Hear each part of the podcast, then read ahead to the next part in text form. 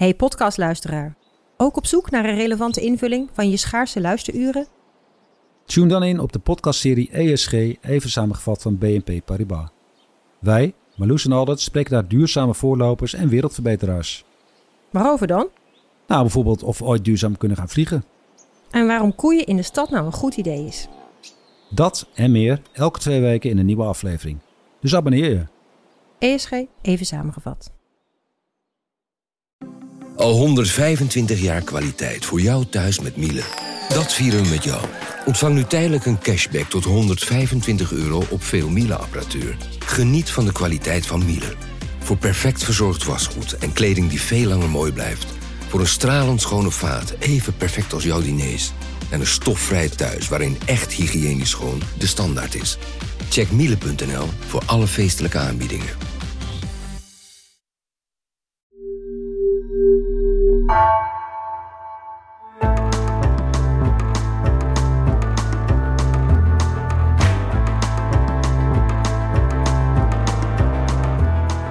Welkom bij het uur. Voorgangers zouden met een citaat de geschiedenisboeken ingaan. Lief zijn voor de stad, de boel een beetje bij elkaar houden, vooral dat beetje vond ik leuk. Je niet als een keukenmeid laten wegsturen. Femke Halsema is hier, burgemeester van Amsterdam. Ze draagt nu 4,5 jaar de ambtsketting.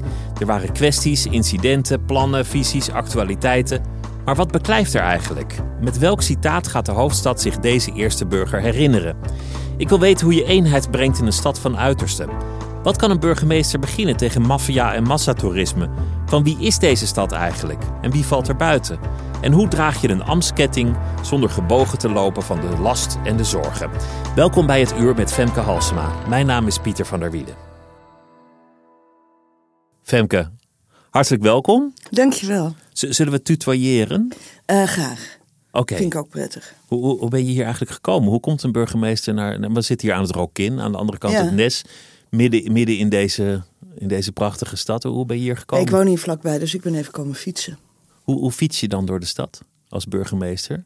Ehm, eigenlijk zoals elke Amsterdammer door de Gehaast, gejaagd, middelvingertje en allemaal opzij. Tringelingen, kom probeer ik eraan. achterwege te laten. Ehm, sinds ik burgemeester ben, probeer ik ook altijd de zebrapaden te respecteren. Iets waar Amsterdammers over het algemeen Amsterdammers op de fiets veel moeite mee hebben. Dus ik ben wel die ene Amsterdammer die zich beter aan de verkeersregels houdt dan alle anderen. Het moet ook wel, want anders zou iemand het filmen en zeggen van... kijk nou toch, Oh onze, ik was, ambtsbekleder. Ik, ik moest nog geïnstalleerd worden en toen verscheen er, ik denk in de Telegraaf, een stukje dat ik ehm, op, bij een voetgangerskruising door rood licht was gelopen. En dat was meteen nieuws. Dus ja, ik ben diegene die altijd netjes bij rood wacht. Onder het vergrootglas. We hebben elkaar een keer eerder gesproken en toen was je soort van tussen banen in. Had je je memoires geschreven, plus. Ja, En dat, dat ging voor een groot deel over ook wel de moeite die je altijd gehad hebt met exact dat. En ook met wat je, wat je toen noemde, vond ik een heel mooi manier van het zeggen, de gestoorde letterlijkheid. Waar je als politicus in terechtkomt. ja. Het ging eigenlijk over jouw moeilijke verhouding met het, met het plus. Ja, ja, grappig is dat. Ik was dat vergeten, gestoorde letterlijkheid. Nou geloof ik wel dat ik hem gepikt had van die Canadese filosoof. Oeh, naam kwijt. Ja, het, Ehm, het, het was van iemand anders. Maar ja. het, is, het is natuurlijk ook deel van dat vergrootglas. Dat elk Ja, die, de gestoorde letterlijkheid is dat ironie eh, op internet en op social media helemaal niet meer bestaat.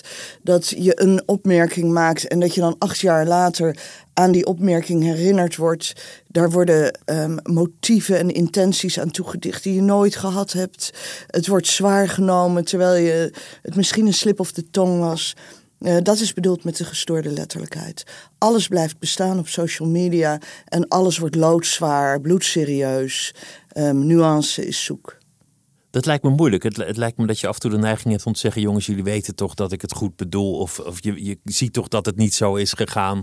Dat je, dat je af en toe eigenlijk om, om een soort vergevingsgezindheid zou willen vragen. En, nou, waar ik het liefst af en toe om zou willen vragen is nuance. Dus ehm, eh, ik hoef niet vergeven te worden, want anders dan de vorige keer dat wij met elkaar praten, was ik een ambteloos burger en eh, iemand zonder macht. Maar nu ben ik een bestuurder en dat is een heel andere positie. En dus mensen mogen ook kritisch zijn, je, met je afrekenen.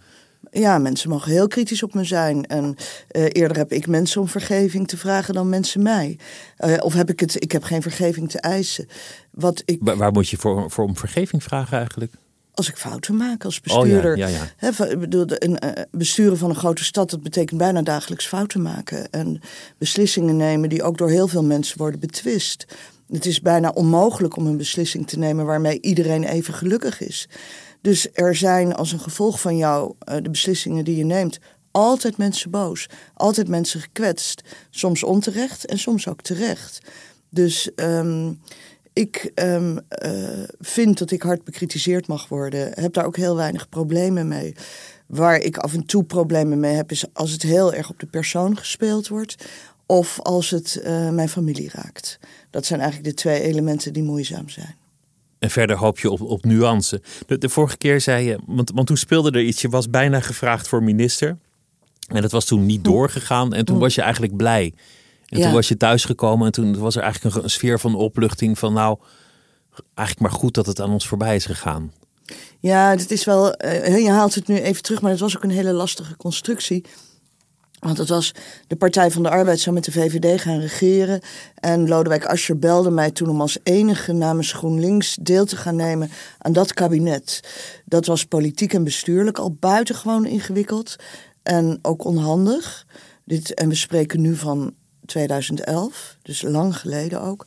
En voor mij persoonlijk was het in heel veel opzichten onwenselijk. Want ik had ja, daarnet ehm 12 jaar op zitten, 13 jaar in Den Haag. Ik was teruggekeerd naar huis met de bedoeling om een ander leven te gaan leiden. En niet met de bedoeling om binnen een half jaar terug te keren in Den Haag. Dus, dus toen burgemeesterschap op je pad kwam, was dat een hele andere Ja, situatie, een ander moment, een, een daar andere z- tijd. Daar, daar zat zeven, acht jaar tussen. En ehm, in- inmiddels ja, was ik ehm, één, het is een onvergelijkbare functie. Het is mijn eigen stad, waar ik ook heel erg van hou. Ik was niet op zoek naar een burgemeesterspost. Het was niet zo dat ik door het land was gaan reizen. Arnhem had je niet gedaan, Groningen had je niet gedaan, Maastricht had je niet gedaan. Het ging echt om Amsterdam. Ja. Ja, en dat bedoel ik niet om. Het is de hoofdstad, dus hè, je wil de hoofdprijs. Daar had het niks mee te maken. Maar ik, was geen, ik ben geen reizende bestuurder en ook niet een carrièrebestuurder. Ik heb ook niet um, hier naar gesolliciteerd in de hoop nog eens ergens anders terecht te komen. Dit is het. Het is deze stad. Het is deze stad en dit ambt. Een intellectueel in de politiek, dat, dat is altijd een ingewikkelde verhouding. Iemand, iemand die houdt van lezen, van schrijven, van gedachten, van debatteren. Ja. Dat, dat verhoudt zich moeilijk met die, die letterlijkheid, die, die Ja. soms van een bestuurder wordt gevraagd. Ja. Eh, het, van de nuance die verloren gaat. Maar het, ja, soms zijn het ook gewoon meer de niet-intellectuelen die het verschoppen in het bestuur, omdat die zo lekker concreet kunnen zijn. Die ge- gewoon in maatregelen kunnen denken. Ehm, ja, je creëert hier een tegenstelling. Eén, dank je wel voor het compliment, geloof ik. Dat je een intellectueel bent. Ja, Nou, dat, dat ben je toch wel een soort een beetje een kamergeleerde zelfs. Of een, iemand die heel erg houdt van het Ik hou heel debat. erg. Maar intellectueel is een beetje een, een zelfcompliment. Dat zou ik me niet willen geven. Maar ik hou van lezen en ik hou van nadenken. Dus dat klopt. Een intellectueel zeg ik altijd is een expert in dingen waar je geen expert in kunt zijn. Ja, of misschien in dingen die nutteloos zijn. Ja, Ehm, die die nadenkt over dingen die niet. Maar je creëert een tegenstelling tussen iemand die van nadenken houdt en iemand die daadkrachtig is en maatregelen treft. Het kan ook beide. En ik ben er eigenlijk heel erg van overtuigd dat we enorme nood hebben aan bestuurders die ook verder over de bal heen durven kijken. Ah, ik gebruik een voetbalmetafoor. Dat is echt bij mij nogal uitzonderlijk. Er zijn waarschijnlijk medewerkers ergens die nu van hun stoel aan het vallen zijn Over de bal kijken. Oh. over de balk. Ik hoor het mezelf zeggen. Maar ehm, nee, ik, eh, ik, ik denk dat ons land eh, ook wel eens ten onder dreigt te gaan aan enkel korte termijn maatregelen en korte termijn beleid. En ik denk dat in een stad als Amsterdam het ook echt heel erg noodzakelijk is dat we kleine stapjes durven zetten. Dat we daarin moedige beslissingen durven te nemen. Waarmee ik bedoel te zeggen, van dag tot dag daadkrachtig durven te zijn. Maar we moeten ook het lef hebben om heel ver vooruit te durven kijken. Ik bedoel, wij zijn erfgenamen van een stad die bijna 750 jaar oud is. En eh, waarvan een deel UNESCO werelderfgoed is. Waar 900.000 mensen wonen met heel verschillende geschiedenissen en problemen. En dat vereist dat je ook over hun toekomst durft na te denken verder dan volgende week. Is dat soms onhandig? Als je, als je ja, als bestuurder ineens een wijdzere visie gaat doen, of, of het gaat hebben afstand nemen tot het beleid. Als je bijvoorbeeld zegt, eigenlijk werkt het drugsbeleid niet zolang we het illegaal houden. ik wist dat je daar naartoe zou gaan. Ben ik, ben ik zo voorspelbaar? Nee, maar ik... Ik, vond, ik vond het een mooi voorbeeld van een bestuurder die over de bal heen kijkt. Ja, en ik ben ook helemaal niet aangedaan door het commentaar van de minister daarop. Ik kan ook accepteren dat we daar verschillende rollen in hebben. Maar eigenlijk sterkt het mij in de opvatting. Ik, ik, ik ben volstrekt niet naïef in ons drugsbeleid. En ik zie ook heel goed dat binnen de huidige internationale verhoudingen en de internationale verdragen wij eigenlijk geen harde andere keuze hebben dan met name de cocaïnehandel zwaar te bestrijden. En daar doen we in Amsterdam ook ons beste voor. Alhoewel ik wel een andere mening toegedaan ben over de wijze waarop je het moet bestrijden.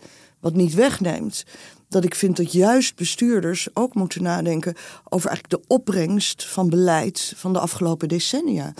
Ik ben niet vrij aan het filosoferen over het drugsbeleid, over hoe het in een andere wereld zou kunnen zijn. Maar um, wij, wij worstelen met de opbrengst van de war on drugs, zoals die in de jaren zeventig is gestart. En die is eigenlijk desastreus. Die is desastreus in zijn aantallen doden, in de criminele economie die die opgeleverd heeft. Het is echt een verschrikkelijk verdienmodel voor de allerzwaarste criminelen. En um, uh, um, nou, het, het, heeft, uh, het heeft voor gewoon een grote ontwrichting gezorgd. Dus ik vind dat wij als bestuurder, ook als je um, gewoon bezig bent met je van dag tot dag beleid. En als je bezig bent met je maatregelen die nog steeds betekenen dat ik meedoe aan de bestrijding van cocaïne, daarin ook overtuigd ben. Dat je wel moet durven nadenken over hoe zou je eigenlijk willen dat het er over 10, 20. Waar zijn we eigenlijk mee bezig? waar zijn we eigenlijk mee bezig? Want, want op, op basis van onderzoek van het rioolwater weten we dat, dat elk weekend er ongelooflijk wordt gesnoven in deze stad. Ja, ja, maar de, de, neusvleugeltjes kleppen. Dat is een probleem op zichzelf hoor. Uh, dat is een gezondheidsprobleem. Het is ook een probleem vanwege de, de, um, ja, de, de, de versterking van de ongelijke verhoudingen tussen de allerrijksten in onze stad en de jongeren, bijvoorbeeld, die het aanleveren. Maar de relativering die daarbij hoort, al gebruikt niemand meer cocaïne in Amsterdam dan zal Amsterdam nog steeds een internationaal knooppunt zijn voor de handel in drugs. En dat heeft te maken met de openheid van de stad, de geografische ligging en vooral met het financieel en zakencentrum dat wij zijn. Dat betekent dat Amsterdam heel uh, aantrekkelijk is voor allerlei vormen van handel. En helaas ook um, uh, illegale of criminele cocaïnehandel. Dit, dit was echt de intellectueel die het even won van de bestuurder. Bestuurlijk misschien niet handig, om, om dat te zeggen, want er komt kritiek van de minister of mensen begrijpen het niet of het geeft een diffuus signaal. Maar de intellectueel dacht, ja, ik, ik wil dit gewoon gezegd hebben. Nee, maar het is meer dan dat. Um, kijk, er is een internationale organisatie op dit moment die bestaat uit voormalig staatshoofden. En um, die bij elkaar komt en precies dit bepleit, wat ik nu doe. Ik vind dat je heel goed twee sporen tegelijkertijd kan wandelen. Dat je um, en zolang het noodzakelijk is, zolang wij binnen de rechtsstatelijke en beleidsgrenzen opereren die er nu zijn, uh, volg ik dat, bestrijd ik met name um, uh, cocaïne en coca internationale cocaïnehandel. Maar tegelijkertijd moet je het spoor durven bewandelen van met mensen die verantwoordelijk zijn, die bestuurlijk um, aan de lat staan, na te gaan denken over een alternatieve strategie. Dus ik ben ook niet van plan om daarmee op te houden. Ik ben eigenlijk van plan om de komende jaren dit um, beleidsmatige, dit lange termijn debat wel degelijk ook internationaal te gaan voeren. Wat zou een alternatief kunnen zijn? Hoe zou, hoe zou je dit ooit kunnen doorbreken? Ja, dat vind Als het een gezondheidsprobleem is, uh, je kan het moeilijk legaliseren. Je, je, kan, je kan moeilijk als land alleen varen daarin in een open economie. Je kan ook moeilijk ineens al dat criminele geld en die handel en die, en die netwerken legaliseren. Nee, maar kijk, in al die dingen moet je niet naïef zijn. Dat ben ik ook niet. Wel, ik, ben, ik, ik, ik, ik loop niet als Koos Koets rond die denkt... Uh, oh, oh, laten, we alles maar, ja, laten we alles maar legaal maken. Dat is natuurlijk volstrekte flauwekul. Maar um, ik denk wel, kijk... Um, ik denk wel dat je de discussie moet durven voeren. Wat voor. Kijk, het is niet zo dat er, ehm, dat er geen economie is. Er is vraag en aanbod. Alleen dat hebben wij volledig gecriminaliseerd en in handen gegeven van zware criminelen. En um, nou is het interessante dat Nederland heeft de afgelopen decennia een zekere terughoudendheid gehad in de war on drugs. Uh, steeds minder overigens. Maar wij hebben in ieder geval een scheiding aangebracht tussen gebruik en handel. En dat betekende dat je in Nederland uh, kon gebruiken zonder dat je meteen politie, FBI, weet ik veel wie, op je dak had. Um, en je zware gevangenisstraffen riskeerde. Het goede effect daarvan is geweest dat over het algemeen de gebruikers in Nederland, zowel soft als harddrug, ook veel gezonder zijn. Dus wij weten bijvoorbeeld dat daar waar je um, uh, niet uh, gebruikers criminaliseert, maar ze eigenlijk een beetje beschermt en zorgt dat hun gezondheid zo goed mogelijk wordt begeleid, dat ze langer leven, minder ziek zijn. Dat betekent dat je daar dus eens over na moet denken. In Amerika, waar de war on drugs het hardst is, wordt heel veel gebruikt. Um, zijn de gebruikers heel arm? Zijn ze ziek? Heb je heel veel doden? Dus wat is nou eigenlijk je winst geweest? En nou je concrete vraag, hoe doe je het? Hoe los je het op? Nou, ik denk dat dat voorwerp zou moeten zijn van een heel rustig en internationaal debat. Waarbij je inderdaad nooit solistisch in je eentje, en zeker niet als stad, maar ook niet als land, kan opereren. Dus je weet eigenlijk ook niet hoe het anders moet?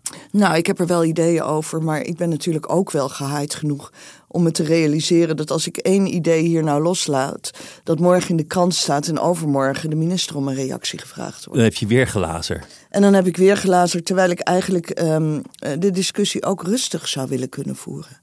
Dat, dat is toch meer iets dan voor wetenschappers en intellectuelen en, en voor, voor een debat in de balie en een opiniepagina. Misschien niet de plek voor een burgemeester. Ook, maar ik denk ook dat bestuurders bereid moeten zijn om inderdaad over de lange termijn op allerlei vlakken na te durven denken. Over de ontwikkeling van onze economie, uh, over um, oorlog en vrede, over on onze internationaal rechtelijke verhoudingen. Natuurlijk heb je ook bestuurders nodig die niet alleen bezig zijn om te bedenken hoe je het probleem morgen oplost. Maar ook, laat ik een simpel voorbeeld nemen.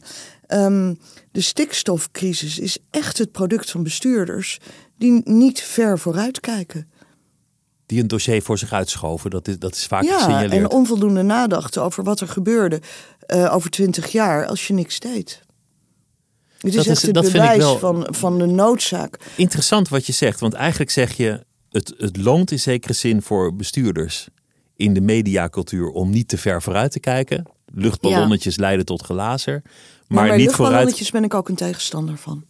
Oké, okay, nou ja, goed. Ja. Uh, een, een, uh, ja, ik, ik noemde dit een luchtballonnetje, maar dat, dat is dan. Nee, dat kijk, is misschien ook weer niet. Nee, dat is het echt niet. Want maar, maar ik ben het is, hier heel serieus over. Maar, maar wat het, het interessante is, dat eigenlijk bestuurlijk loop je vast als je het niet doet.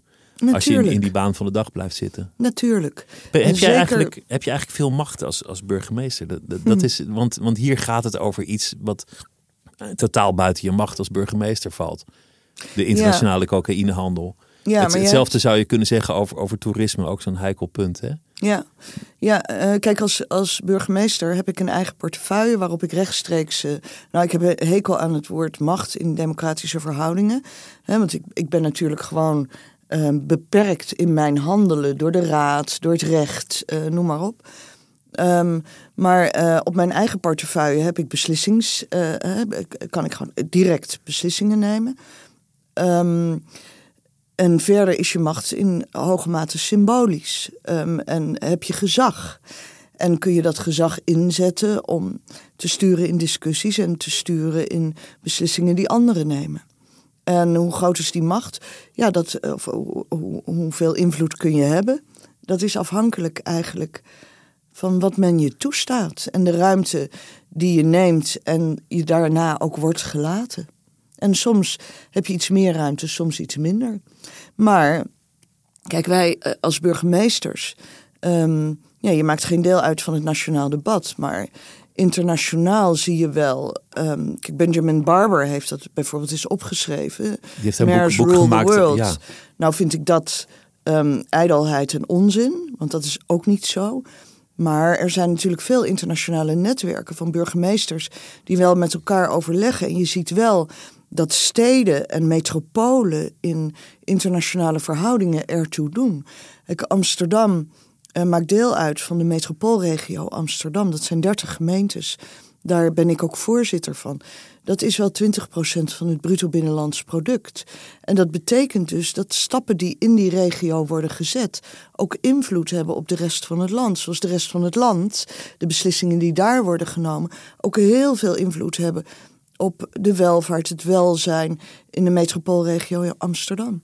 Ik, ik vraag het omdat dat laatst ging Ed Fontijn uh, dood. En toen, en toen werd gezegd, onder hem kwam de stad tot, tot bloei. Ja. Uh, Bram Peper in Rotterdam. Dat volgens mij ook die dat uh, zei bij zijn uitvaart. Ja, dus, dus, dus later wordt het hele welzijn van een stad toegeschreven aan een burgemeester. Terwijl die burgemeester in praktijk aan Ja. het schikken, plooien en, en laveren is. Ja, dat klopt. Ja, ehm, ja, vaak wordt een burgemeester verbonden aan een periode in een stad. En ehm, dus als er crisis is, een economische crisis, dan is het vaak ook de crisis van de burgemeester. Overigens krijg je ook als burgemeester heel veel verantwoordelijkheid toegedicht. Ik bedoel, als ik in een buurthuis zit in, eh, in, eh, ergens in de stad met een groep jongeren, dan moet ik me altijd eerst door het boze onderwerp heen ploegen van de scooterhelm. Omdat al die jongeren mij ervoor verantwoordelijk houden dat ze een scooterhelm dragen. Terwijl dat niet mijn beslissing is geweest, maar in zijn symboliek die wel aan mij wordt verbonden. Nou kan ik dan heel ingewikkeld gaan ontkennen, maar dat neem ik ook maar gewoon, want het is een collegebeslissing en daar maak ik deel van Ja, je uit. kan twee dingen doen. Je kan zeggen of dat is niet mijn beslissing. Of je kan gewoon zeggen die helm is zodat jij je achttiende haalt. En eh, Dat doe ik. later nog, nog een keer ik. een opleiding kan Het afronden. aantal dodelijke eh, ongelukken en ongelukken met zwaar letsel is enorm afgenomen in de stad. Dus dat is de reden. En sorry dat je haar slecht zit. Dat, dat, dat is eigenlijk de verklaring. Ehm, maar op de vraag die je me stelde, ja, ehm, bij, bij het burgemeesterschap is er ehm, soms iets geks aan de hand. Soms wordt de positie heel erg overschat. Ehm, dus dan, dan ja, worden heel veel be- beslissingen die door een college worden genomen, door een politiek college, die in een coalitieakkoord van eh, eh, de bestuurlijke partijen van de, van de coalitiepartijen zijn opgeschreven aan mij of aan iemand, aan een andere burgemeester toegedicht. Terwijl ik daar geen enkele ehm, eh, zeggenschap over heb gehad. Ehm, dus dan wordt je positie eindeloos overschat. En soms wordt die ook onderschat, omdat er dan gezegd wordt: eh, die burgemeesters, wat doen ze er eigenlijk toe? Dus is- Lintjes knippen en, eh en Ja, dat- dat 100 gebeurt ook jarigen wel eens. feliciteren. Ja, en er wordt vaak wordt er, ehm, heel zwaar aan getild dat burgemeesters benoemd zijn en niet gekozen zouden worden. En ik maak mooi eens even van de gelegenheid gebruik om daar één relativering bij te, aan te brengen. Ik zou voorstander zijn van een eh, gekozen burgemeester. Maar ehm, op dit moment worden burgemeesters gekozen door de raad. Door een meerderheid van de raad. En daarna benoemd. Maar dat is dus, het betekent dus niet zo dat de totstandkoming van, het, eh, van, het, van, van de benoeming volledig ondemocratisch is.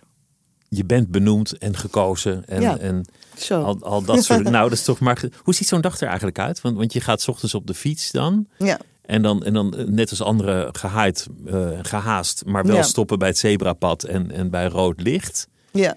En dan kom je binnen en dan, dan, dan begint die stad eigenlijk. Die komt op jouw bureau neer. Ja. Hoe, hoe, hoe werkt dat? Nou, het, het, het verschilt een beetje per dag. Maandag is de dag van alle staven, stafvergaderingen. Dinsdag is de dag van het college. Eh, en de rest van de week probeer ik zoveel mogelijk in de stad te zijn. Heb ik overleggen met ehm, partijen uit de stad, eh, ondernemers. Ben ik op een buurthuis. Eh, nou ja, weet je, er zijn er allerlei. ehm, op maandag is dan, dan heb ik vaak een grote hoeveelheid vergaderingen. Ehm, dat, dat gaat aan de lopende band. En dat zijn eigenlijk met medewerkers die beleid voorbereiden op mijn terrein. Ehm, ehm, die met mij praten, bijvoorbeeld samen met de gemeentesecretaris, draag ik natuurlijk de verantwoordelijkheid voor het hele ambtelijke apparaat, althans bestuurlijk doe ik dat. Dus ik praat op maandag ook uitgebreid met de gemeentesecretaris. Dat is eigenlijk de hoogste directeur hè, van, de, eh, van de gemeente. Ehm, enzovoort. En op dinsdag. En is, is er elke dag glazer? Is er elke dag gedoe in de stad? Elke dag iets dat, dat dringend op je bord terechtkomt? Nou, ik word, als ik wakker word, dan eh, doe ik mijn mail ehm, open. En dan krijg ik eigenlijk, dan, dan een van de eerste dingen die binnenkomt is eigenlijk het politierapport van de afgelopen nacht. En ja, er gaat eigenlijk geen nacht voorbij dat dat rapport leeg is. Dus er is natuurlijk elke nacht, ja, weet je, het, het in zo'n stad, er gebeuren gewoon s'nachts en overdag altijd dingen. En treft dat altijd de burgemeester? Moet je er altijd iets mee? Um, nou, ik moet ervan op de hoogte zijn. Um, kijk, ik heb het samen met het Openbaar Ministerie in de driehoek het gezag over de politie. En ik moet natuurlijk wel van dag tot dag weten uh, hoe het met de politie gaat, waar ze mee bezig zijn, wat er speelt. De dagelijkse operationele leiding ligt natuurlijk gewoon bij de hoofdcommissaris. Dus ik bemoei me niet intens met um, elke stap die een agent zet. Dat, dat is niet mijn taak. En dan zijn er dagen dat er, dat er grote crisis is of, of een grote gebeurtenis. Ja, kijk, er zijn um, ja, toch wel één, twee keer in de week zijn er grotere gebeurtenissen. Ik bedoel, er was dit weekend was er um, de brand in Riekershaven. Um, dat is echt, hè, er, er, er zijn 150 woningen verwoest. Dus 150 vrij kwetsbare mensen die op straat worden gezet. Dat is een grote gebeurtenis. Dus zo'n gebeurtenis eet ook een deel van je week op. Um, en um, er, er, verschijnt een documentaire over um, of de top 400, dat is een belangrijk instrument in criminaliteitspreventie, nou eigenlijk wel goed functioneert. En of daar niet eh, stigmatiserende elementen in zitten voor jongeren. Ja, dat is een grote gebeurtenis. Dus ja, daar ben ik mee bezig. En zo kan ik er nog een heleboel noemen. Hoe leer je zo'n stad kennen als je, als je burgemeester bent? Als, als elke ochtend het gekrakeel van de afgelopen nacht in je mailbox zit. Als je, als je door die stad heen gaat, met mensen moet praten. Hoe, hoe kijk je nu anders tegen de stad aan? Ja, je verantwoordelijkheidsgevoel voor de stad verandert. Um, ik woonde natuurlijk al heel lang in de stad. En uh, het was echt, het is de stad waar ik het langst in mijn leven heb gewoond. Want je bent opgegroeid in Enschede, toen naar Utrecht gegaan. Ja. In, in Utrecht best wel lang gezeten. Nou, ja, een jaar of tien. Nou, dat is lang. Ik heb daar gestudeerd, ja. ja. En barkeepster geweest? Zeker, ja, lang in de kroeg gewerkt. En ik ben op mijn dertigste naar Amsterdam verhuisd. Dus dat is nu uh, 56 jaar, uh, 26 jaar. Verraadt meteen mijn uh, leeftijd. Ja. ja. Ik zou er niet naar vragen, maar... Uh, maar hoe, hoe, kijk je er nu anders tegenaan? Na, na nou, er gebeurt periode? iets geks met je. Dus ik bedoel, het is mijn stad, het was mijn stad. Maar vanaf de dag dat je burgemeester wordt, fiets je anders door je stad. Je, um, als ik langs vuilnis fiets, wat nog wel eens gebeurt, dan schaam ik me nu. Als burger uh, erger je je. Dat is een andere, daar, is, daar heb je een andere emotie bij. Als er opbrekingen zijn, wat nog wel eens gebeurt in de stad, ja, dan voel ik mij verantwoordelijk. Terwijl, zolang je inwoner bent van de stad, dan fiets je er langs en loop je te mopperen. En nu denk je, waarom is deze straat nou weer opengebroken? Ja, ik heb ook neiging om dat soort zaken dan nog even na te zoeken. En hoe lang gaat het duren? Dat op, op het moment dat ik word aangesproken op straat, ik misschien ook iets uit kan leggen. En, dus en ja, staat je, er, je, je, je verhouding tot je eigen stad is wel wezenlijk anders. dan staat er volg K. En dan ga je naar K en dan zegt K rechts, K zegt links, K zegt rechtdoor. En ineens Ja. ben je terug op de ring. Ja. Ja, ik weet En denk het. je, goh, ik zit weer op de snelweg. Ja, wij hebben een paar heel actieve bordenmakers in de stad. Er zijn ook wel eens foto's van gemaakt. Ja, kijk, wat, wat, wat ik ook. ehm, wat natuurlijk ook interessant aan zo'n eh, post is, aan het ambt. Is ehm, je hebt soms de neiging, omdat je voor heel veel verantwoordelijk wordt gehouden, om te gaan micromanagen. Om dus de wethouder te gaan bellen of een medewerker en te gaan zeggen op kruispunt zus en zo. Ligt staan veel te veel- staan veel te veel borden of liggen vuilniszakken. En tegelijkertijd is dat niet eh, de manier waarop je moet opereren. En omdat de mensen gek om je heen worden. Maar ook omdat er daarvoor echt veel te veel aan de hand is. En je de grote lijnen verliest. Toerisme, dat, dat is een, een ergernis van vele Amsterdammers. De, de, de rolkoffertjes. Wat, wat kan je als burgemeester beginnen als, terwijl jij een plan afkondigt, Brian Air begint te adverteren met Amsterdam 19 euro? Ja, ja. Nee, ehm, het beheersen van toerisme vanuit het lokaal bestuur is heel erg moeilijk. Eh, wij kunnen eigenlijk alleen maar maatregelen in de stad nemen waarmee wij de stad voor bepaalde groepen toeristen onaantrekkelijker proberen te maken. Maar als tegelijkertijd ehm, de budgetvluchten nog goedkoper worden. Of in Europa maatregelen worden getroffen om Airbnb bijvoorbeeld nog meer ruimte te geven. Dan sta je eigenlijk met lege handen. Want dan ja, zijn je mogelijkheden heel beperkt. En uh, een bijkomend probleem is dat de nationale overheid eigenlijk toerisme en overtoerisme nauwelijks als een nationaal probleem ziet, maar als een lokaal probleem. En daar nauwelijks een gesprek over gevoerd wordt, wat ik eigenlijk niet meer houdbaar vind. Is dat dan niet iets wat, wat jij kan insigneren? Door, door te gaan lobbyen in, in Den Haag om dat op de agenda te krijgen? Ja, daar zijn we natuurlijk ook mee bezig. Ik niet alleen. We hebben een wethouder toerisme, Sofian Mabarki. Die komt uh, eh, 1 december. excuus. Die komt 1 december met een nieuwe visie op uh, toerisme.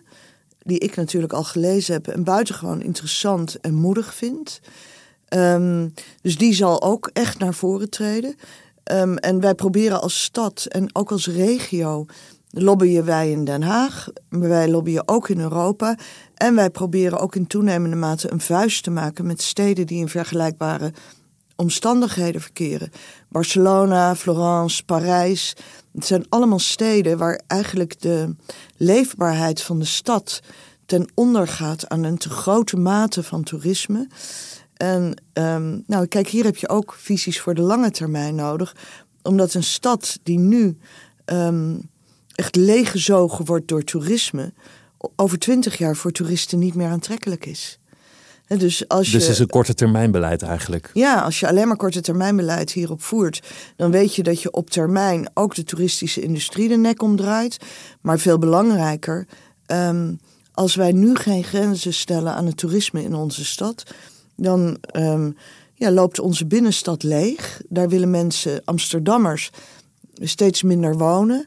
Um, jongeren die in andere delen van de stad wonen, willen eigenlijk niet meer winkelen of uit in de stad.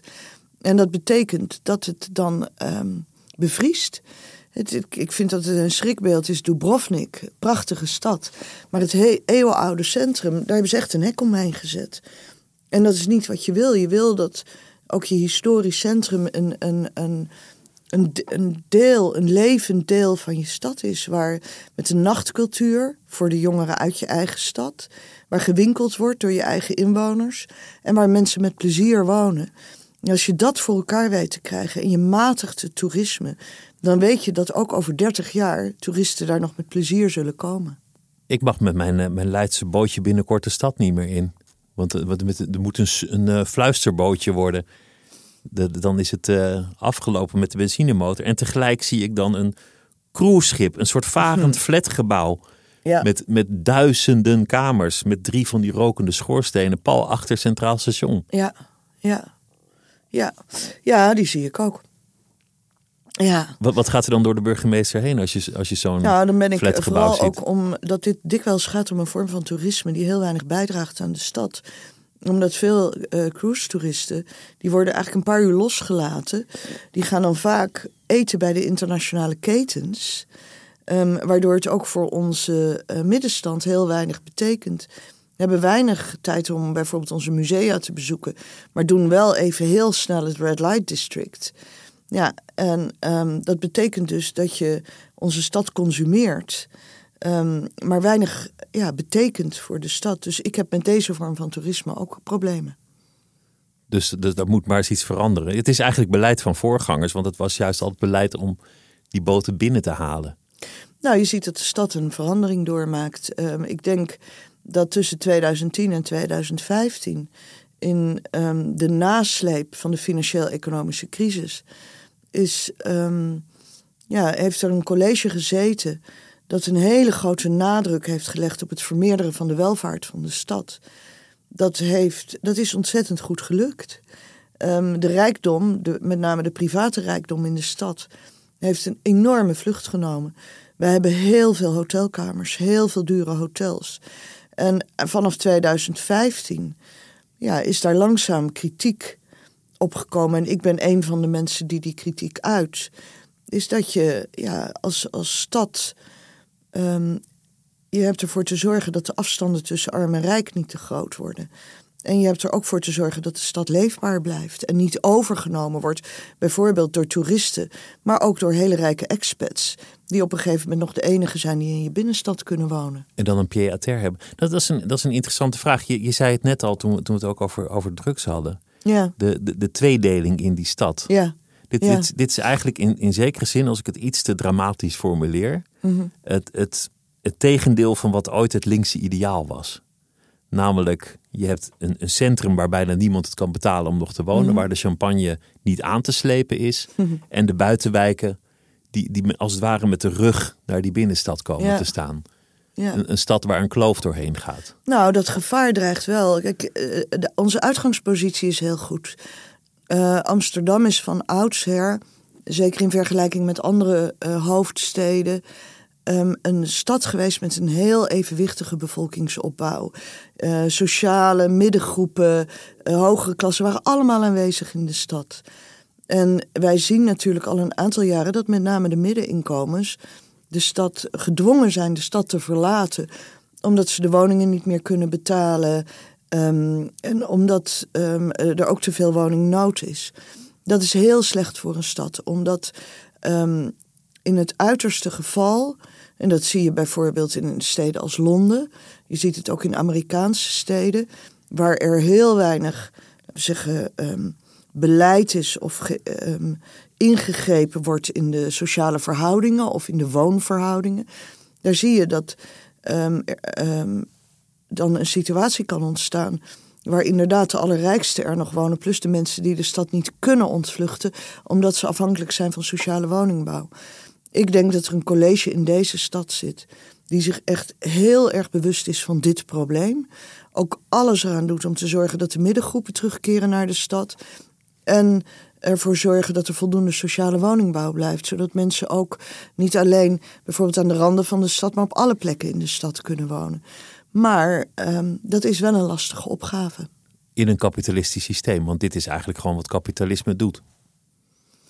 Ehm, nou, Nederland kent natuurlijk van oudsher een geleide economie, waarbij ehm, we zeggen, de, de akeligste effecten van het kapitalisme wat afgeremd zijn. En je kan wel zeggen dat op de ma- woningmarkt natuurlijk de afgelopen twintig jaar dat te weinig is gebeurd. Er te weinig invloed of druk ehm, en, en begrenzing is gegeven aan bijvoorbeeld de ontwikkeling van woningcorporaties. En ik denk dat met Hugo de Jonge en met dit kabinet er wel het besef doordringt dat er sterker ingegrepen moet worden op de woningmarkt. Om ervoor te zorgen dat de woningnood minder wordt. En dat ook verschillende inkomensgroepen allemaal toegang hebben tot goede woningen. Eh, Als je, als je over de samenleving als geheel leest, niet zozeer over Amsterdam, maar gewoon de Nederlandse samenleving, Ja. of zelfs de Europese, dan dan gaat het heel veel over het uiteenvallen van de samenleving. Over Ja. polarisatie, over groepen die tegenover elkaar staan. eh, Ja. Mensen die elkaar niet meer ontmoeten. Ja, Mensen die dezelfde lucht niet meer kunnen inademen als ze in dezelfde kamer zijn. ja. Hoe, hoe, hoe kijk jij daar tegenaan? Je, je komt op heel veel plekken, veel gevarieerde plekken. Je voelt je verantwoordelijk voor die stad. Ja, nee, ehm, ik zie eigenlijk twee dingen tegelijkertijd gebeuren. Ik zie natuurlijk dat we een debatcultuur in Nederland aan het ontwikkelen zijn. Nou vind ik debat eigenlijk een veel te chic woord ervoor. Een publieke cultuur Een, ontwikkelen. een moddersmijtcultuur. Ja, van ad hominems. Van niet meer goed een onderscheid kunnen aanbrengen tussen een, een inhoudelijk verschil van mening en elkaar belasteren. Is dat mensen met het grootste gemak elkaar verdacht maken omdat ze elkaars meningen slecht kunnen verdragen. Dat zie je in Den Haag, in het parlement gebeuren, waar bijna doorlopend door een aantal politici en partijen het verkeerde voorbeeld wordt gegeven. Er wordt met elkaar gesproken op een manier waarvan ik altijd hoop dat mijn kinderen het niet zien. Omdat ik dat echt het verkeerde voorbeeld vind. Ehm, en je ziet het op social media, zie je diezelfde harde, gepolariseerde cultuur terugkeren. En dat is verontrustend, omdat ons dat. eh, omdat we daardoor verder afdrijven van nuance en van de mogelijkheid om oplossingen te vinden voor hele ingewikkelde problemen. Ehm, tegelijkertijd, als bestuurder in een stad die eigenlijk gewoon heel dicht bij inwoners staat, zie ik ook iets heel anders. De meeste mensen eh, in wijken, ook al verschillen ze enorm in inkomen, in kleur, in achtergrond, die willen gewoon met elkaar door een deur kunnen. In het dagelijks leven ehm, zijn mensen eigenlijk heel erg bereid om samen te leven. Dus ik, ik vind eigenlijk dat die debatcultuur en het dagelijks leven ook heel ver uit elkaar aan het groeien zijn. Natuurlijk zie ik ook een toename van uh, onfatsoen, van, van schreeuwen en, en ehm, gewoon een verlies aan decorum in onze samenleving. En dat vind ik schokkend. Maar ik zie ook dat bij ons, bij de vrijwilligers niet aangesleept krijgen om daklozen te helpen. Dus om mensen willen iets betekenen in een samenleving. Ja, dus ik denk, soms denk ik wel eens ehm, dat veel van onze politici, of de wijze waarop uh, in het publieke debat geschreeuwd wordt, onrecht doet aan de mensen in onze samenleving, omdat die stukken aardiger zijn. Er, er was veel gedoe over een verklaring uh, van homotolerantie. Hm. Tolerantie hoort natuurlijk bij, bij Amsterdam. Al, gauw werd het gedoe, waardoor die verklaring eigenlijk precies het tegenovergestelde effect sorteerde. In plaats van te laten zien dat er verdraagzaamheid was, liet het zien dat er geen verdraagzaamheid was. Ja.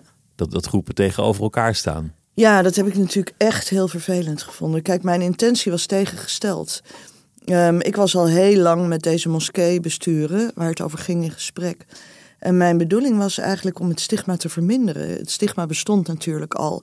De, heel, in heel veel publieke debatten wordt er een rechtstreekse relatie gelegd tussen anti-homo-geweld en uh, de islam.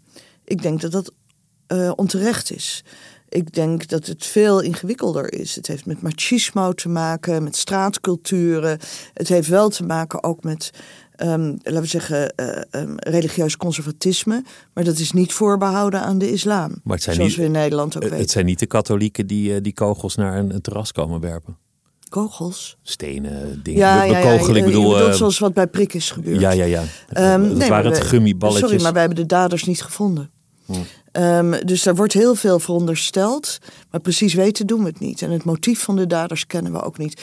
Maar ik relativeer het totaal niet. Dus ik verbind het ook wel aan religieuze intolerantie. Maar niet uitsluitend. En ik zie wel dat er een stigma is. Um, en mijn bedoeling was, en daarover ging het gesprek eigenlijk een lange tijd.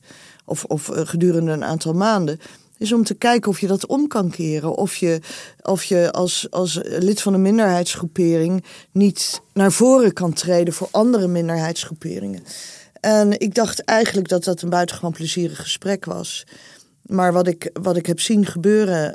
Wij, ik, ik had een briefje geschreven voor een besloten bijeenkomst. waar we opnieuw daarover al dan niet met een statement naar buiten komen zouden praten. Ja, en dat is door een aantal mensen die er helemaal niet bij zijn geweest. Die ook helemaal niet in Amsterdam wonen. Um, uh, maar eigenlijk ja, de bedoeling van agitatie hadden naar buiten gebracht. Noordien uh, Wildeman, uh, meneer Hof, hoe heet uit Hilversum. Ja, die, die, die hebben hier een, een, een, een enorme tegenstelling van gemaakt. Alsof ik de bedoeling had om moslims te stigmatiseren. Maar dit is en eigenlijk... ongewild hebben ze daarmee juist dat effect bereikt. Dus het is eigenlijk ontploft, dit, dit eh, project. Nou, het is, het, het is lastig voor mijn verhoudingen met de moskeeorganisaties. Want ik heb het natuurlijk onplezierig gevonden dat men dat naar buiten heeft gebracht. In plaats van gewoon met mij te komen praten. Want de deur stond open en er was een afspraak. Um, dus daar is het slecht voor. En het is ook slecht voor het algehele beeld. Want men had ook gewoon tegen mij kunnen zeggen: We willen dit niet. Ja, even goede vrienden, dan had ik dat niet naar buiten gebracht. Er zit dat iets geks ook met die, met die voetballers met zo'n regenboogbandje. Dat, dat ehm, als je zeg maar in verdraagzaamheid zegt: Ik eis verdraagzaamheid, dat is een contradictie. Of ik tolereer geen onverdraagzaamheid. Ja. Dan is het ook geen verdraagzaamheid meer. Nee, dus, dat klopt. Je kan het dus ook niet eisen. En ik wilde het ook niet eisen. Eh, kijk, wat voor mij heel erg belangrijk is. Um, van oudsher is Nederland een land van minderheden. We hebben nooit absolute meerderheden gekend. Politiek niet, religieus, etnisch. Op geen enkele manier hebben wij meerderheden gekend. Wij zijn een land waarin allerlei minderheden het samen een compromis hebben moeten sluiten. En dat compromis dat berust erin dat wij elkaar tot op grote hoogte met rust laten, respecteren. Godsdienstvrijheid is van groot belang, politieke vrijheid is van groot belang. Alleen in de publieke sfeer daar onderschrijven wij dezelfde wet, dezelfde grondwet. Ehm, zorgen wij dat er geen geweld naar elkaar gebruikt kan worden. En wat voor mij heel belangrijk is, daar kwam ook dat statement uit voort, is dat minderheidsgroeperingen in onze stad, of ze nou religieus zijn, of etnisch, of seksueel, dat die eigenlijk elkaar steunen in de publieke sfeer, voor elkaar gaan staan. Daar ging dat statement ook over. Dat ging niet over de theologie, dat ging niet over de islam, maar dat ging erover op straat, in Amsterdam, wie je ook bent, wat je achtergrond is, handen van elkaar af. Laat elkaar met rust. Gun elkaar de vrijheid om je te ontwikkelen, om te zijn wie je wil zijn. Um, respecteer onze paradijsvogels. Respecteer hoe verschillend mensen zijn. Want dat is namelijk de enige manier waarop je minderheden in je stad ook goed kan blijven beschermen. Hier komen we denk ik bij een soort kern van jouw publieke visie of jouw levensvisie of je kijk op de, op de samenleving. Misschien wel het idealisme. En dat is? nou ja, exact wat je nu zegt. Van, van laat, laat elkaar bestaan of uh, tolereren elkaar. Het, het, zit, daar zit een soort liberale visie in. Jazeker. Nou ja, kijk, ik ben... Ehm, het is vooral... Uh, ik ben heel rechtsstatelijk altijd geweest. Um, dus ons respect voor de grondwet, voor de grondrechten die daarin zitten, maar ook bijvoorbeeld het Europees Verdrag voor de Rechten van de Mens, beschouw ik eigenlijk als de beschaafde basis van onze samenleving. Ook als ons belangrijkste ordeningsinstrument. Dat is de manier waarop we kunnen samenleven, doordat wij elkaars grondrechten bijvoorbeeld respecteren. Um, en ja, het is een liberale visie, omdat ik denk dat je uiteindelijk elkaar veel vrijheid hebt te gunnen waar ik afwijk van, laten we zeggen, de klassieke liberaal, is dat ik ook altijd. Um, voor mij is het ook altijd heel belangrijk geweest om te erkennen dat er grote ongelijkheid in onze samenleving is. En dat mensen daarmee niet allemaal even vrij zijn vanaf geboorte. Op het moment dat jij opgroeit bij een um, alleenstaande ouder die moeite heeft om de eindjes aan elkaar te knopen, die meerdere banen heeft, waardoor je vaak alleen opgroeit, uh, waardoor je veel op straat bent, waardoor je geen dure bijlessen kan betalen. Nou, noem maar op. Ja, dan heb je andere kansen in het leven en dan is ook jouw vrijheid geringer. Vrijheid vergt een, een startpositie eigenlijk. Je, je kan niet zomaar zeggen vrijheid, dan komt bij iedereen het beste eruit, want we beginnen niet gelijk. Ja, ja er is een, uh, een oude uh, anarchist en uh, schrijver. Hij is al, al veel jaren dood. Arthur Lening heeft ooit de PC Hoofdprijs gewonnen. En dat is eigenlijk altijd mijn belangrijkste motto geweest in de politiek. en dat was het volgende. Als vrijheid ons hoogste goed is, dan moet er gelijkheid van vrijheid bestaan. Waar, waarmee hij precies dat zegt. Namelijk, dat betekent ook dat mensen uh, gelijke uitgangsposities hebben. En ook in een stad als deze, als Amsterdam, ja, daar hebben mensen geen gelijke uitgangsposities. En daar zul je dus als overheid moeten repareren. En zul je ervoor moeten zorgen dat de mensen die veel minder kansen hebben, die um, uh, achter, met, ja, achterstanden hebben als ze jong zijn en ook later in hun leven, dat je die meer mogelijkheden geeft. Een van de angstaanjagende dingen is dat veel van die mensen uit achtergestelde groepen de, de overheid niet meer als een alliantie zien, niet meer als een vriend. Niet meer denken, klopt. hoera, daar is de overheid, die komt me helpen. Ja, dat is, dat is uh, heel zorgelijk. En um, daar heeft de overheid het zelf naar gemaakt. Onder meer door een toeslagenaffaire, maar ook op andere manieren. Ja, kijk, de toeslagenaffaire is eigenlijk het, het hardste, het vreedste voorbeeld van overheidsgedrag dat al heel erg lang werd vertoond. Dat zijn oorsprong vindt in de jaren 80 en 90, waarbij de overheid als een bedrijf is gaan opereren. Burgers werden gezien als klanten die um, wel konden weglopen op het moment dat ze ontevreden waren over de overheid. Waarbij burgers werden gezien als calculerend, als, als potentiële fraudeurs die strak gecontroleerd mochten worden. Um, en de overheid dus eigenlijk zijn eigen inwoners is gaan wantrouwen. Dat was in de jaren negentig kwam dat heel sterk op. Maar tussen 2000 en 2010, ja, ik, ik weet hoeveel debatten ik heb gehad met premier Balken en de precies hierover. En um, de overheid ja, is buitengewoon onvriendelijk geweest, jarenlang wantrouwend. En discriminator in, in en deze. ook dat door, door eh, gebruik van logaritmes, door ja, stiekeme vooroordelen ehm, tegen zijn eigen inwoners en vooral tegen zijn kwetsbaarste inwoners, die het meest afhankelijk zijn van de overheid. En de overheid betaalt daar een hoge prijs voor in een volstrekt gebrek aan vertrouwen van zijn eigen bewoners, van zijn eigen burgers.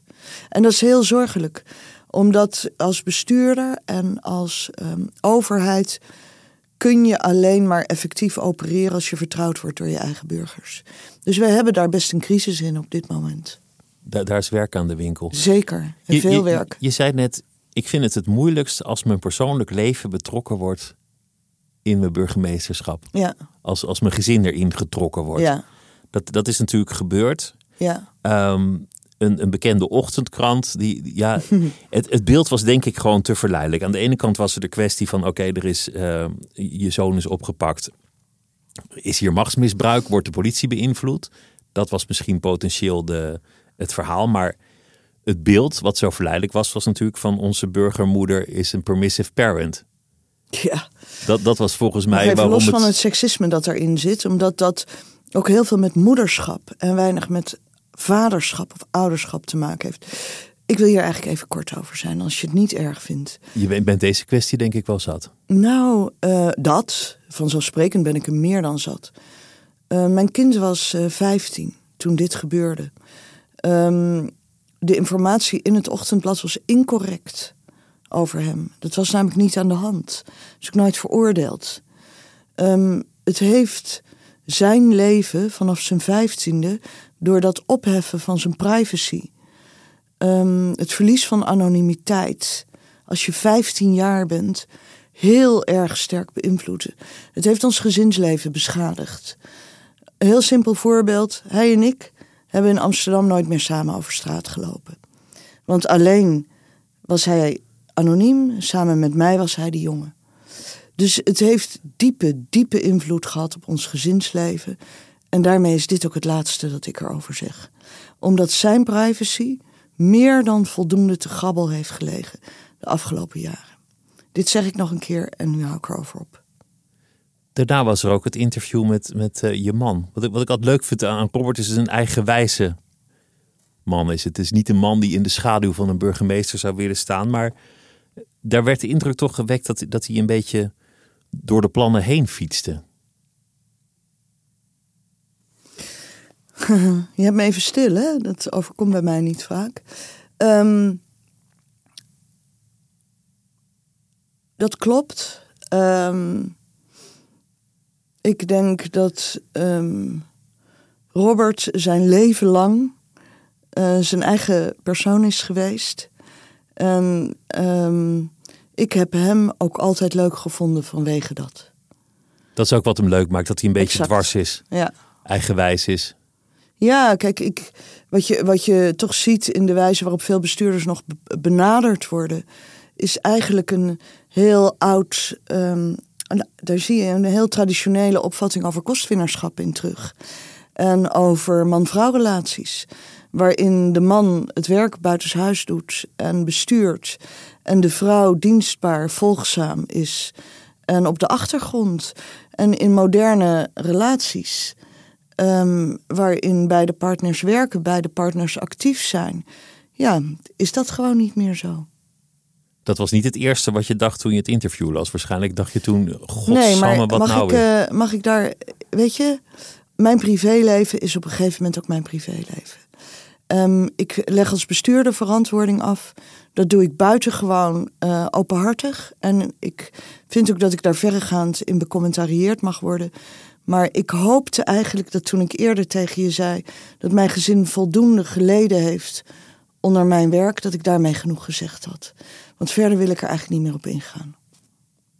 Met, met welk citaat hoop je dat mensen je zullen herinneren als burgemeester? Want, want daar begon ik mee. Ja, Lief zijn voor de stad, Dat- de boel bij elkaar houden. je niet als een keukenmeid laten wegsturen. Er, er zijn er nog veel meer. ja die, die laatste kende ik trouwens niet. Dat was van Hal. Dat was, Dat was van, van Hal, die overigens wel werd weggestuurd daarna. Ja, maar niet als een keukenmeid. Nee, niet als een keukenmeid. Eigenlijk als een best repressieve bestuurder. Ehm, ja, Ja, zo ehm, kan het, zo kan het ik ook weet gaan. het hè? niet. Ik denk, kijk, eh, het citaat waarnaar je verwijst over Ewout van der Laan, dat komt ook uit zijn afscheidsbrief. Ehm, de- het lief zijn voor elkaar en voor de stad, wat overigens echt een prachtig eh, citaat is. Maar ik denk dat het voor mij gewoon te vroeg is. Dat ik het nog niet weet. En bovendien ehm, is ook maar de vraag. Het, het is volgens mij niet het citaat dat je zelf selecteert, maar het is het citaat dat anderen uiteindelijk aan je verbinden. Misschien wel iets waar- waarvan je niet eens weet dat je het ooit Dat gezegd zou hebt. zomaar kunnen. Iets dat uit context is gehaald. Dat zou Dat- zomaar dat zou- kunnen. dat zou het zomaar zou ook kunnen dat ik dan jarenlang denk, oeh, wat erg. Maar ja, Hoe, lang ga je dit nog doen? Voor zover het aan jezelf is. Hoe, lang- hoe lang zou je dit willen doen? ik weet het nog niet precies. Ehm, ik doe het nu vier jaar. Eén termijn is zes jaar. Ehm, en ik heb met mijzelf afgesproken dat ik volgende zomer, dan ben ik er vijf jaar, is heel erg goed gaan nadenken over wel of niet eh, solliciteren voor een volgende termijn. En dan verwacht ik dat ik dan in september van, wat is het, volgend jaar, dat kan laten weten. En nu weet ik het echt nog niet, omdat ik gewoon veel dingen ook tegen elkaar wil kunnen afwegen. Ehm, het, het is een, eh, het is een eh, laten we zeggen, een, een functie die, ja, waarin er bijvoorbeeld weinig onderscheid tussen privé en publiek bestaat. Zoals we net ook weer even merkten. Ja. Waarin er, ehm, ja, die je opslokt. Het is tegelijkertijd ook de prachtigste en eervol, meest eervolle functie die ik in mijn hele leven ehm, zal kunnen vervullen. Mooier dan dit wordt het niet. Ehm, dus nou ja, ik moet dat soort. ik- Dat wil ik even tegen elkaar in alle rust volgende zomer kunnen afwegen. Dus dan ga je op vakantie en dan tijdens die vakantie, als het er heel even niet is, Ja, ga ik dat. Tegelijkertijd weet ik ook, want ik heb heel vaak grote beslissingen moeten nemen. Weet ik dat, ze, dat ik me altijd voorneem dat ik in alle rust met vrienden, met een glaasje wijn, zo'n beslissing ga zitten nemen. Maar dat dit soort beslissingen eigenlijk nooit zo genomen worden. Is dat je er naartoe groeit of niet.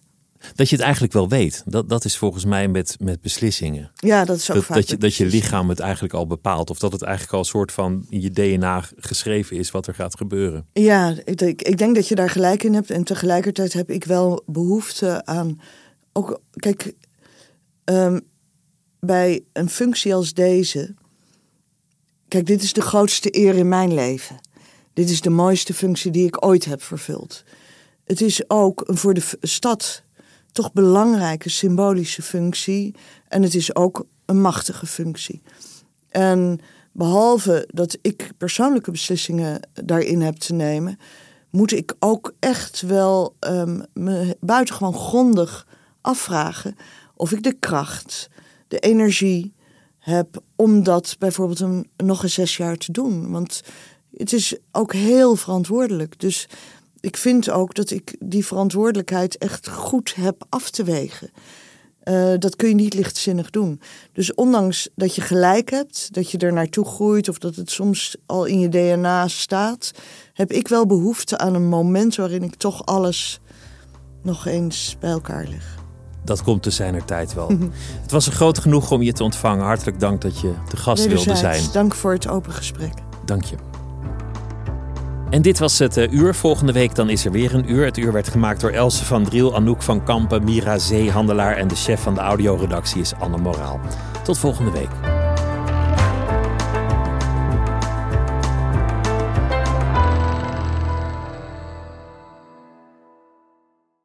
Technologie lijkt tegenwoordig het antwoord op iedere uitdaging. Bij PwC zien we dit anders. Als we de potentie van technologie willen benutten, kunnen we niet zonder een menselijk perspectief. Human-led, tech-powered noemen we dat. Ga naar pwc.nl.